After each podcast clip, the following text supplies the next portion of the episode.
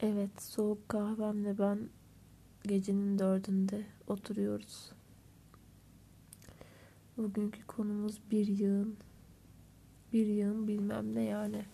Bir yığın dolusu eşya olabilir bu.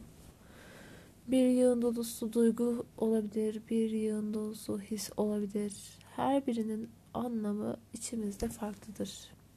Aynı gibi olsa da her birinin anlamı farklıdır, farklılaşabilir. Ee, aynı düşüncelerden doğup farklı dünyalara e, hapsolabildiği için bazense ayrı ayrı ruhlardan gelebildiği için e, düşünce farkı da olabiliyor dolayısıyla.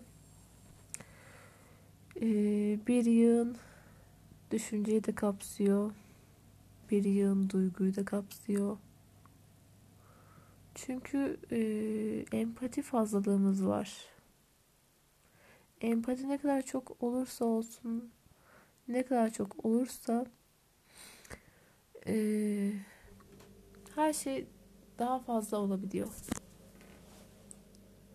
Anlamlandırdığımız, anlamlandıramadığımız her bir şey, her bir his duyguya dönüşüyor. Duygudan düşüncelere dönüşüyor dönüşüyor ama bir yerden sonra da içimizden de gitmeye hazırlanıyor diyebilirim.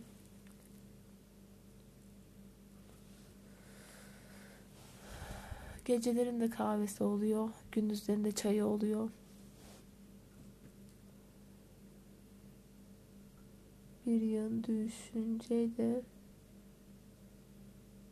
düşüncesizleşebiliyoruz. Çünkü ne kadar fazlaysa o düşünceler aslında aynı zamanda da kendimizi sessize almayı öğretiyorlar bize. Kendimizi sessize aldığımızda da içimize dönüyoruz. Kendi içimizle konuşuyoruz.